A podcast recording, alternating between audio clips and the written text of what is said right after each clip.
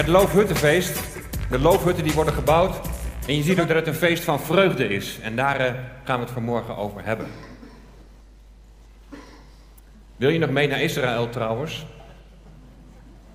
Deze week, komende week, is de laatste mogelijkheid om, om je op te geven. In ieder geval, voor ons is deze week bepalend of het een go of niet go is. Dus uh, wil je nog mee? Graag deze week nog opgeven. Dat kan bij Nelly. Je kunt ook bij mij komen, dan krijg je meer informatie. Bert, mag ik voor je bidden? Ja. Almachtig God, trouwe Vader in de hemel, dank u wel dat we hier mogen staan. Dank u wel dat u Bert gebruikt, dat u hem kan gebruiken, Heere God. Dank u wel dat hij beschikbaar is. Heere God, dank u wel voor uw Heilige Geest die hem hierbij helpt. Zegen hem zo uh, de komende tijd als hij zijn prediking gaat doen, Heere God. En, uh, we doen het in Jezus' naam. Halleluja. Amen. Amen. Het was het mooi om over verlangen te zingen.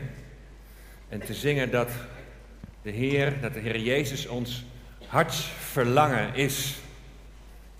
En ja, ik hoop dat vanmorgen ook weer opnieuw te benadrukken. Hij, ons hartsverlangen. Uitzien naar de Heer Jezus Christus, onze redder en onze verlosser, Jezus de Messias. En uh, misschien mag ik even de eerste slide zien. Nou ja, ik ga wel even verder. De Heere God die heeft zeven feesten ingesteld in de Bijbel. Feesten van de Heer. En dan hebben we eerst de drie voorjaarsfeesten. En ik loop, om het maar even uit te beelden, want je kon het eigenlijk daar zien. Maar ik loop het, laat het hier wel even zien bij de menorah. Want die is ook zevenarmig. We hebben de voorjaarsfeesten, de eerste vier feesten. Het eerste feest is Pesach. Het lam is geslacht. Het lam moest geslacht worden, de Heer Jezus aan het kruis. Als tweede, het feest van de ongezuurde broden. De zonde moest worden weggedaan. Als derde, het feest van de eerstelingen. Jezus, Jezus is als eersteling uit de doden opgestaan. Dus vervuld in de opstanding van de Heer Jezus. Helemaal in het midden, het feest van de weken. Uitstorting van de Heilige Geest, vervuld in het Pinksterfeest. En dan staan ons nog drie feesten te wachten. Tenminste, de vervulling daarvan.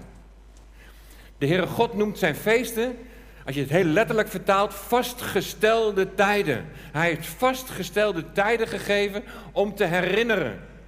Om te herinneren aan wat God heeft gedaan. En er zijn drie feesten bij die ook een oogstfeest zijn. De najaarsfeesten, die op dit moment in Israël worden gevierd, is ten eerste het bazuinenfeest. Dat valt samen met Nieuwjaarsdag. De bazuin zal klinken en we zullen de Heeren tegemoet gaan in de lucht om voor altijd bij Hem te zijn. Yom Kippur. De hoge priester ging het heiligdom binnen om verzoening te doen, maar met Yom Kippur komt hij ook weer naar buiten. Zo zal de Heer Jezus Christus het hemelse heiligdom verlaten om terug te keren hier op aarde en zich bekend te maken aan zijn broeders. En de ram, de bok, de zondebok, die weggestuurd wordt in de woestijn. De Satan die gebonden zal worden. En dan het loofhuttenfeest. En dat feest willen we vanmorgen bij stilstaan. Het loofhuttenfeest, ook een oogstfeest, dat vanaf volgende week zondag bij zonsondergang zal worden gevierd, zeven dagen lang. En het kenmerk van het loofhuttenfeest is: God maakt woning onder zijn volk. Het koninkrijk breekt aan. En omdat dit natuurlijk heel mooi past in de hele serie waar we mee bezig zijn, uw koninkrijk komen, wil ik vanmorgen met jullie nadenken over dat loofhuttenfeest. En je mag alvast Jezaja 12 opslaan, want dat gaan we zo meteen met elkaar lezen. Maar even heel, heel snel even een korte context. Jezaja die was een profeet, die sprak dus namens God. En hij profeteerde in het zuiden van Israël, in Juda. En hij, hij profeteerde voor de ballingschap. En hij, hij waarschuwt, als jullie je niet bekeren, als jullie niet stoppen met die afgoderij, als jullie niet stoppen met ongehoorzaamheid, dan zullen jullie worden weggevoerd. Vervolgens laat Jezaja ook zien dat dat daadwerkelijk zal gaan gebeuren. En Hij, zal ook hij laat ook zien dat er uiteindelijk herstel zal zijn en dat ze zullen terugkeren naar het land. Dus het gaat allereerst over de ballingschap naar Babel, de strijd die ze zullen ervaren en de belofte van de terugkeer naar Jeruzalem. En we hebben dat gezien bij Ezra en Nehemia, de, de herbouw van de tempel en de herbouw van de muren. Maar de profetieën van Jezaja, die laten ook een, een diepere laag zien. Die laten ons zien dat er nog in de toekomst iets zal gaan gebeuren. Nou, Jezaja 11 gaat bijvoorbeeld over de Messias en het vrederijk, het eerste gedeelte. Het tweede gedeelte gaat over de terugkeer van het volk Israël naar hun land. En dan lezen we Jezaja 12. Jezaja 12 vanaf vers 1. Op die dag, tijdens de terugkeer van het overblijfsel van, het, van Israël dus, op die dag zult u zeggen, ik dank u, heren, dat u toornig op mij geweest bent, maar uw toren is afgekeerd en u troost mij. Zie, God is mijn heil. Ik zal vertrouwen en geen angst hebben, want mijn kracht en psalm is de Heere Heere en Hij is mij tot heil geworden. U zult met vreugde water scheppen uit de bronnen van het heil. Op die dag zult u zeggen, dank de Heere, roep zijn naam aan en maak zijn daden bekend onder de volken. Roep in herinnering dat zijn naam hoog verheven is. Zing psalmen voor de Heere, want hij heeft zeer grote dingen gedaan. Laat dit bekend worden over heel de aarde. Juich en zing vrolijk, inwoonster van Sion, want groot in uw midden is de heilige van Israël. En de tweede schriftlezing is uit het Nieuwe Testament, Matthäus 5, vers 14 tot en met 16. Matthäus hoofdstuk 5, vers 14 tot en met 16. En dat is een onderdeel van de bergreden. De bergreden die begint in Matthäus 5. En dan zegt de Heer Jezus tegen zijn discipelen: U bent het licht van de wereld. Een stad die boven op een berg ligt, kan niet verborgen zijn. En ook steekt men geen lamp aan en zet die onder de korenmaat, maar op de standaard. En hij schijnt voor allen die in het huis zijn. Laat uw licht zo schijnen voor de mensen, dat zij uw goede werken zien en uw Vader die in de hemelen is, verheerlijken. Tot zover uit het woord van God. Ja, het is vandaag dus Israël zondag. Hebben jullie je wel eens afgevraagd waar dat eigenlijk vandaan komt en wanneer dat is ontstaan? Ik heb dat eens even uitgezocht, maar in 1949 stelt de hervormde synode al een Israëlzondag in. Net na de Tweede Wereldoorlog en de vestiging van de staat Israël in 1948. Er zijn volgens de PKN zijn er drie motieven om, om te kiezen voor zo'n aparte markering in het kerkelijke jaar. En je kunt ze hier bij de volgende kun je ze zien. Ten eerste om gestalte te geven aan de liefde voor het volk Israël. Ten tweede bezinning op de relatie tussen de kerk en Israël en gebed voor het volk Israël. En ze hebben natuurlijk de eerste zondag in oktober gekozen, omdat dat in lijn ligt met de najaarsfeesten die ik net liet zien en die op dit moment worden gevierd. Het feest van de bazuinen, komende week grote verzoendag en dan de week daarna het Loofhuttenfeest. Nog even terug naar die drie motieven voor de Israëlzondag. Als het gaat om liefde voor het volk Israël, om die liefde ook gestalte te geven, en gebed voor het volk Israël, is het belangrijk om stil te staan met hoe zit het nou precies met die relatie tussen kerk en Israël? Hoe zit het nou precies met onze verhouding tot het volk Israël? Want liefhebben van mijn naaste is onderdeel van het grote gebod. Maar waarom zou ik speciaal liefde moeten opvatten voor het volk Israël. En we doen voorbeden voor heel veel dingen. Maar waarom zou ik specifiek moeten bidden voor Israël? En we zeggen tegen, tegen elkaar van we moeten Israël zegenen.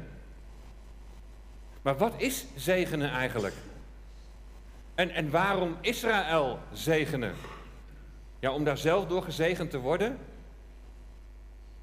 Je moet bidden voor de vrede van Jeruzalem, Psalm 122.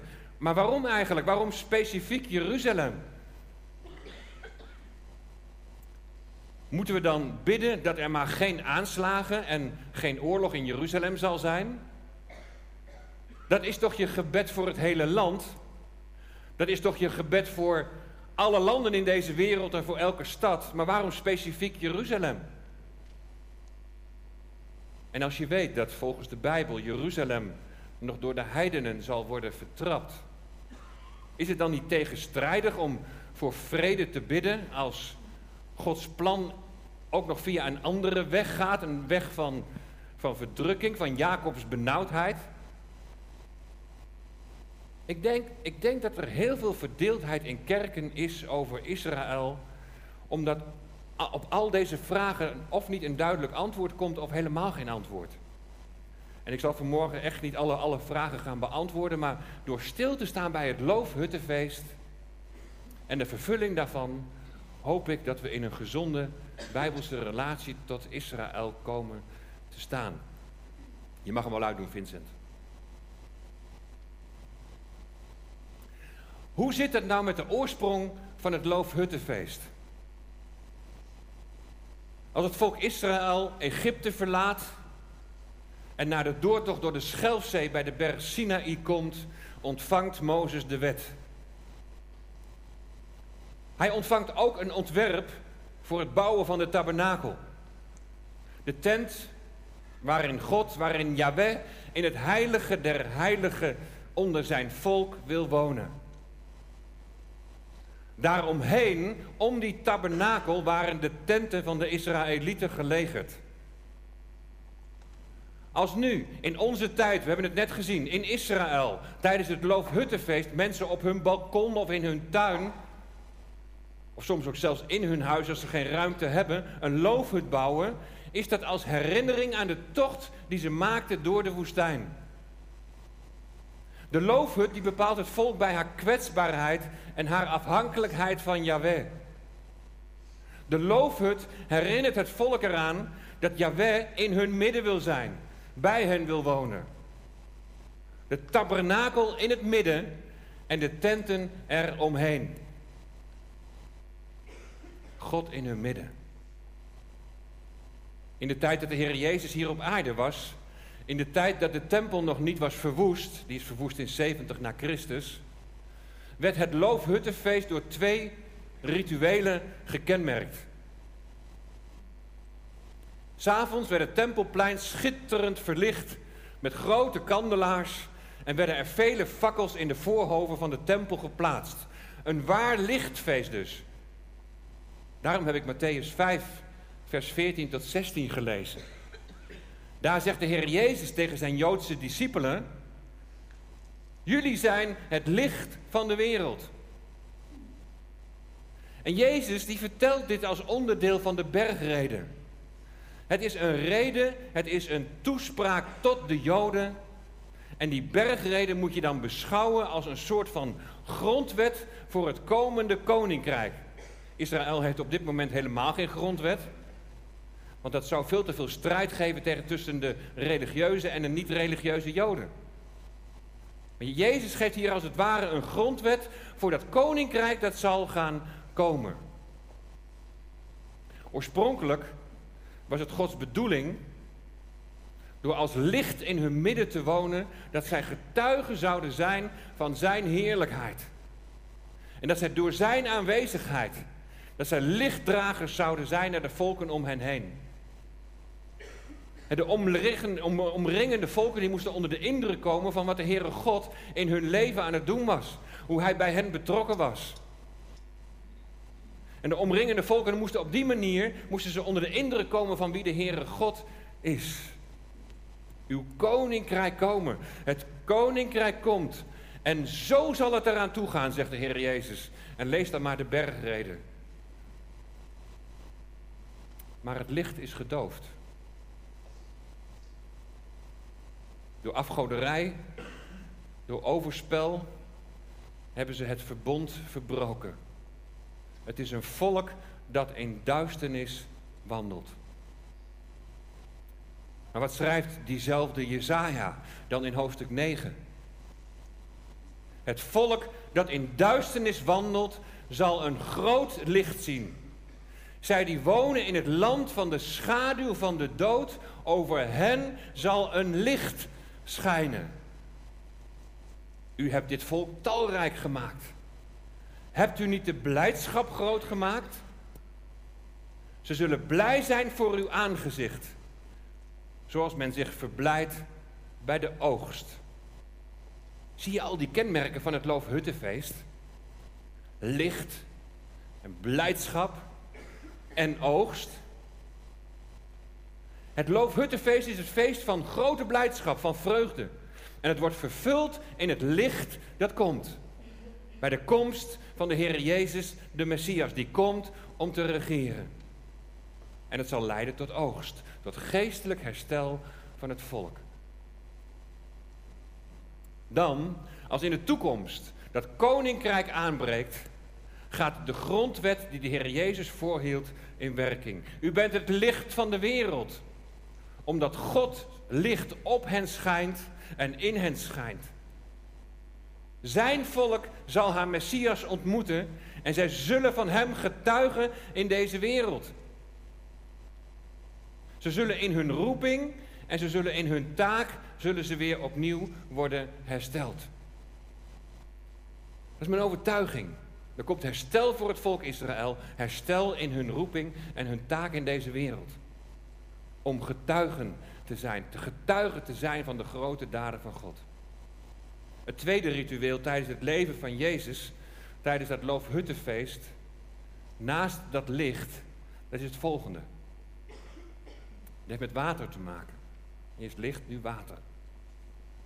In een plechtige processie, dus een optocht, werd water dat uit de Siloambron geschept werd, werd naar het tempelplein gebracht om daar te worden uitgegoten op het altaar.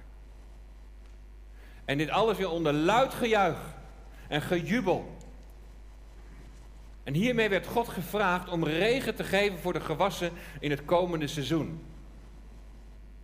Nou, als je meegaat naar Israël zul je zien wat van die Siloam-brand overgebleven is. En dan lopen we samen door de stad van David, lopen we naar boven. Dat is nu ondergronds, omdat daar een Arabische wijk is gebouwd. En dan lopen we ondergronds naar boven toe, langs die oude weg door de stad van David. En dan komen we zo ongeveer uit bij de kotel, bij de klaagmuur, de westelijke muur. Daar waar bovenaan de tempel heeft gestaan. Zie je hier nu de overeenkomst met Jezaja 12? Je ziet in vers 1 dat er eerst een tijd van Gods toren is. Dat slaat op de tijd in Babel, maar wijst ook vooruit naar een tijd van Jacobs benauwdheid die nog zal komen. Maar dan komt er een ommekeer. Er komt bij de wederkomst van de Heer Jezus een geestelijk herstel van Israël. En ze roepen het uit, vers 2. Zie, God is mijn heil. Hij is mijn verlossing. Ik zal vertrouwen en geen angst hebben, want mijn kracht en psalm is de Heere, Heere. En dan komt die belofte. U zult met vreugde water scheppen uit de bronnen van het heil. Juich en zing vrolijk, inwoonster van Sion, inwoonster van Jeruzalem. Want groot in uw midden is de heilige van Israël. Ik zie dat bijna voor me gebeuren. Je zag ze net dansen en zingen, allemaal in die prachtige zwarte gewaden. Maar er zal een moment aanbreken. Dan zullen de oogkleppen, dan zal de bedekking weggenomen worden. En dan zullen ze hun Messias zien. En dan zullen ze jubelen en dan zullen ze juichen. Dat water, dat heeft betekenis voor het herstel van het volk Israël in de toekomst. En over dat geestelijke herstel van Israël en de rol van water kun je ook lezen in Ezekiel 36 vanaf vers 24. Ik zal u uit de heidevolken bijeenhalen en u uit alle volken bijeenbrengen. Dan zal ik u naar uw land brengen, staat daar. Dat is Jezaja 11 ook, precies hetzelfde. Ik zal rein water op u sprenkelen en u zult rein worden. Van al uw onreinheden en van al uw stinkgoden zal ik u reinigen. Het geestelijke herstel. Jezaja 12, het scheppen van het water. En dan komt die geweldige belofte naar het volk Israël. Dan zal ik u een nieuw hart geven. En een nieuwe geest in uw binnenste geven. Ik zal het hart van steen uit uw lichaam wegnemen. En u een hart van vlees geven. Ik zal mijn geest in uw binnenste geven. Ik zal maken dat u in mijn verordeningen wandelt en dat u mijn bepalingen in acht neemt en ze houdt. En dan komt hij weer, u zult wonen in het land dat ik uw vaderen gegeven heb. En u zult een volk voor mij zijn en ik zal een God voor u zijn. Zie je dat laatste, ik zal God voor jullie zijn. Hij zal bij zijn volk wonen. Het kenmerk van het loofhuttenfeest. Het koninkrijk breekt aan. En het is niet toevallig dat tijdens dit loofhuttenfeest de Heer Jezus zegt: Wie in mij gelooft, stromen van levend water zullen uit, mijn, uit zijn binnenste vloeien. Met andere woorden, dan zul je de Heilige Geest ontvangen. Ik zal mijn geest in uw binnenste geven, zegt God als belofte voor zijn volk. En waar zorgt die Heilige Geest voor? Moet je gewoon verder lezen in Ezekiel. Dan ga je verder naar Ezekiel 47. Als bij de wederkomst van de Heer Jezus het loofhuttenfeest wordt gevierd en het water naar boven wordt gebracht, dan zal dat water vanuit de tempel wegvloeien naar het oosten. En dan zal er een stroom van water komen, weet je wel, eerst tot aan de enkels, dan tot aan de knieën, steeds hoger, totdat hij niet meer kon staan. En dan vloeit het water onder andere naar de dode zee en zal leven voortbrengen. Dat is wat de Heilige Geest doet. Leven voortbrengen. Vrucht voortbrengen in je leven.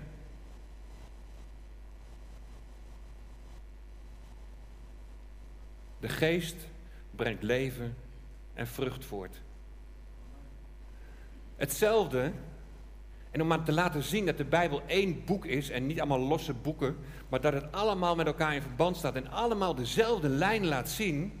Hetzelfde lees je in Zacharia 14, vanaf vers 8. Op die dag zal het geschieden dat er levend water vanuit Jeruzalem zal stromen. Daar had ik het net over. De ene helft naar de zee in het oosten, de Dode Zee. En de andere helft ervan naar de zee in het westen, de Middellandse Zee. Want de wateren zullen ook in die tijd vervuild zijn. Maar het water dat stroomt uit de tempel zal leven voortbrengen. De Heere zal koning worden. Het koninkrijk komt. De Heere zal koning worden over heel de aarde. Op die dag zal de Heere de enige zijn en zijn naam de enige. En de overgebleven volken, die zich tijdens die grote verdrukking, tijdens Jacobs benauwdheid, niet hebben vergrepen aan Gods oogappel, aan Israël, die zullen naar Jeruzalem moeten trekken om het loofhuttenfeest te vieren. Zacharia 14, vers 6. 16. Om daar samen voor de koning te buigen. Op die dag zal Gods volk opnieuw het licht van de volken zijn. Jezaja 12, even die eerste schriftlezing. Jezaja 12, vers 4. Op die dag zult u zeggen, dank de Heere, roep zijn naam aan, maak zijn daden bekend onder de volken. Roept in herinnering dat zijn naam hoog verheven is. Een dag van herstel voor Gods volk.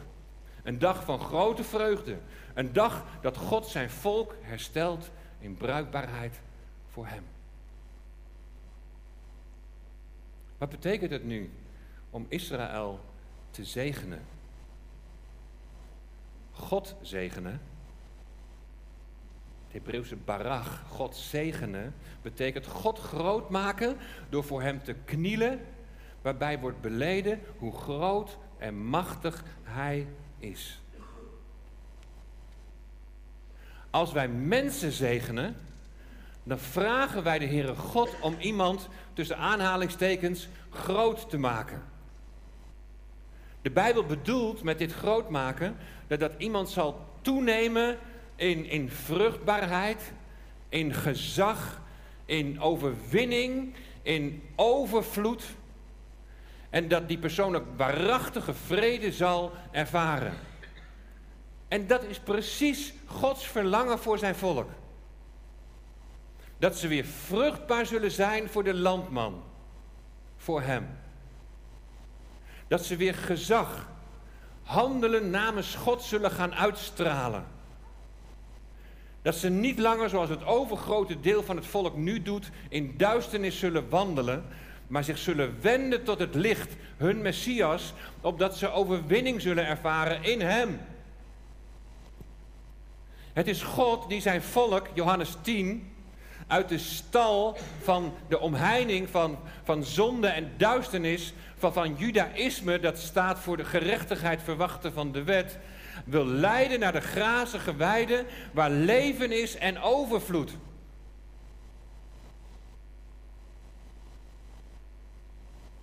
Dan zullen ze de goede herder, Jezus de Messias, moeten volgen. Zegenen is niet alles van iemand goed praten, maar wensen dat iemand weer helemaal in de dienst van God komt te staan, wordt hersteld in bruikbaarheid voor Hem. Om die reden zegenen wij Israël en wat wensen wij ze dit van harte toe. Dit herstel. Dat ze weer bruikbaar zullen zijn voor hun God. Weer in, hun dienst, in zijn dienst zullen staan. Wat betekent het om te bidden voor de vrede van Jeruzalem? Ik zei al, is dat niet tegenstrijdig als je weet dat er nog strijd te wachten staat? Nee, het is een verlangend bidden dat het spoedig Yom Kippur, spoedig grote verzoendag voor hen mag worden. Dat de Heer Jezus het hemelse heiligdom verlaat en zich toont aan zijn broeders. Zoals Jozef zich toonde aan zijn broers. Dat ze spoedig de vreugde van het loofhuttenfeest zullen beleven in het koninkrijk dat aan zal breken. Ze zijn gestruikeld en dat niet alleen, ze zijn gevallen en wij bidden voor herstel. Ze zijn gevallen, dat betekent ze zijn naast hun bestemming komen te staan. Ze missen nu hun doel om getuige te zijn van de grote daden van God. Doordat Israël als gevolg van de verwerping van de Messias niet tot zijn bestemming kon komen, heeft het heil, heeft de verlossing tijdelijk een andere wending genomen en is de verlossing, het heil tot de heidenen gekomen. Er is een hele nieuwe situatie ontstaan. Gelovige Jood en gelovige Heiden samen in één, één toegang tot de Vader door de Heer Jezus Christus. In Hem een nieuwe schepping geworden. Een tempel van de Heilige Geest. De Geest woont in ons en zo is Hij in ons midden. Kenmerk van het Loofhuttenfeest. God in ons midden. We delen nu al in de zegeningen van dat toekomstige Loofhuttenfeest. Dat als kenmerk heeft God in ons midden. Zijn we ons daarvan bewust? In de toekomst zal God zijn volk oprichten. En zullen ze weer opstaan. En zullen zij het licht van de wereld zijn. Het loofhuttenfeest. Het feest van vreugde. Als je al deelt in die toekomstige zegening van het loofhuttenfeest. Omdat God al in jou aanwezig is door zijn geest. Ervaar je dat dan ook als een feest van vreugde. Ervaar je dat je tot je bestemming bent gekomen. Dat je levensdoel ligt in het kennen van de Heer Jezus en het verlangen om te getuigen van de grote daden Gods. Nu begrijp je waarom ik zo blij was dat we dat lied zongen. U bent mijn hartsverlangen. Ken je dat? Heer, u bent mijn hartsverlangen. En ik heb maar één verlangen, dat ik tot uw bestemming mag komen. Dat ik een getuige van u mag zijn in deze wereld waar zoveel duisternis is. Ervaar je dat je tot je bestemming bent gekomen, dat je levensdoel ligt in het kennen van de Heer Jezus en het verlangen om te getuigen van Gods grote daden. De Heilige Geest in ons, die wijst naar de Vader en die wijst naar Zijn grote daden. De Heilige Geest, die wijst ons op de Heer Jezus Christus en zet Hem in het licht. De Heilige Geest doet ons meer en meer de Vader en de Zoon kennen. En dan even terugkomend op die eerste preek van het nieuwe seizoen. Als Jezus koning is over jouw leven, dan wil Hij jouw bron van vreugde zijn. Ken je dat? De omstandigheden waarin je nu verkeert, die kunnen misschien best wel heel moeilijk zijn. Kan misschien best wel heel zwaar zijn.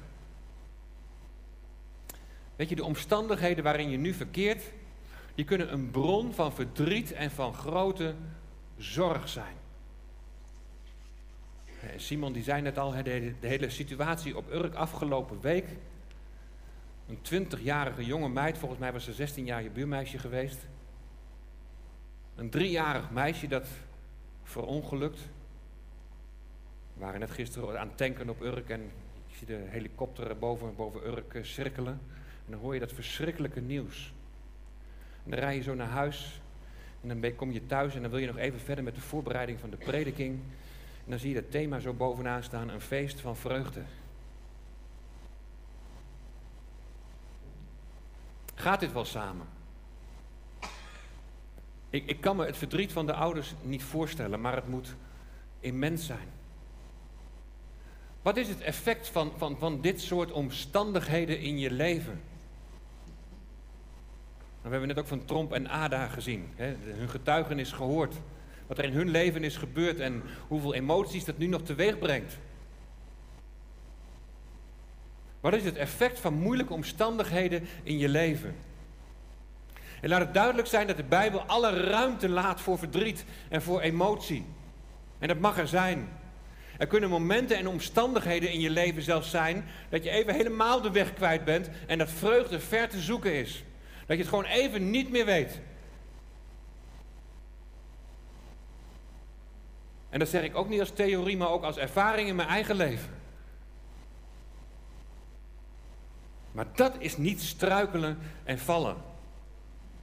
Struikelen en vallen is je van God afwenden en je vertrouwen stellen op afgoden. Alle dingen die een grotere plaats innemen dan God zelf in je leven. Mensen hebben mij in hun verdriet al zo vaak laten zien dat de Heere God, de Heere Jezus, de bron van hun vreugde is door eenvoudig op Hem te vertrouwen. Maar het raakt me ook als ik mensen zie die, die dat vertrouwen even kwijt zijn. Het even niet meer weten. Maar God toch niet loslaten. Omdat Hij hen niet loslaat. In Psalm 16, vers 11, daar staat: Er is vreugde bij zijn aangezicht. Zie je op de omstandigheden zoals Petrus op de golven zag? Of strek je net als Petrus je hand uit naar de Heer Jezus, die je boven die omstandigheden weer uit wilt tillen? Kom maar, zegt Jezus, kom maar, want kom maar bij mij, allen die vermoeid en belast zijn, en ik zal je rust geven. Geef zijn geest de ruimte in jou, opdat je weer iets van die diepe innerlijke vreugde zult proeven. Voor een ieder die gelooft, is in geestelijke zin het Loofhuttenfeest al aangebroken. Het feest van de vreugde. Jezus koning over ons leven. En wat geeft ware vreugde? Het kennen van de Heer Jezus. En in je bestemming staan om Hem te dienen. Bruikbaar te zijn voor Hem. Psalm 43, vers 4. Dien de Heere met blijdschap. Ken je dat? Hem dienen met blijdschap. Hoe zit dat met die vreugde bij jou? Hoe zit het met dat dienen en dat bruikbaar zijn voor Hem? Hoe ziet je, je leven eruit? Laat ik me overweldigen door mijn omstandigheden? Laat ik me helemaal in beslag nemen door mijn werk, door carrière, door geld, door de televisie of door de computer of door vakanties of door sporten, et cetera, et cetera, et cetera. Of laat ik mij in beslag nemen door de Heer Jezus, koning van mijn hart, mijn hartsverlangen. Zorg dat je niet struikelt zoals Israël gestruikeld is en daardoor gevallen. Daardoor naast hun bestemming gekomen. Sta op. Dat zingen we zo meteen uit bewogenheid voor het volk Israël. Sta op, o kinderen van Israël. Kom en prijs nu je maker. Kom, zing en verheug je in hem. En we gaan niet aan vervangingstheologie doen, maar misschien moet je het wel voor jezelf zingen. Sta op en dan je eigen naam invullen. Kom en prijs nu je maker. Kom, zing en verheug je in hem. Verblijd je in hem te allen tijden. Niet in je omstandigheden, maar in hem. Er is vreugde bij zijn aangezicht. Blijf dicht bij hem. Er kan nu verdriet zijn. En er kan rouw zijn. Maar het feest van vreugde zal aanbreken. En in Christus is dat feest al aangebroken in ons hart. O Heere, laat uw koninkrijk komen. Sta op, o kinderen van Israël. Sta jij ook op? De Allerhoogste Koning, buig je voor Hem en zeg je, Heer, hier ben ik. Ik wil U dienen. Ik wil bruikbaar zijn voor U. Zullen we het samen gaan zingen? Sta op, o kinderen van Israël. We mogen het als een zegenlied naar de kinderen van Israël zingen. Oh, alsjeblieft, sta op. Kom weer opnieuw in je bestemming staan. Zie op je Messias, die jullie lief heeft en die, die zijn leven voor jullie gegeven heeft. Maar sta op, gemeente in Emmeloord. Sta op. Wees vol van de Heilige Geest. En laat zien dat Jezus Christus jouw redder en jouw verlosser is. Laat het zien in de bestemming, in, in, in je leven. De keuzes die je maakt. Zullen we opstaan? Opstaan voor de Allerhoogste. En zeggen, Heer, ik sta op. U doet mij opstaan. U wil ik dienen.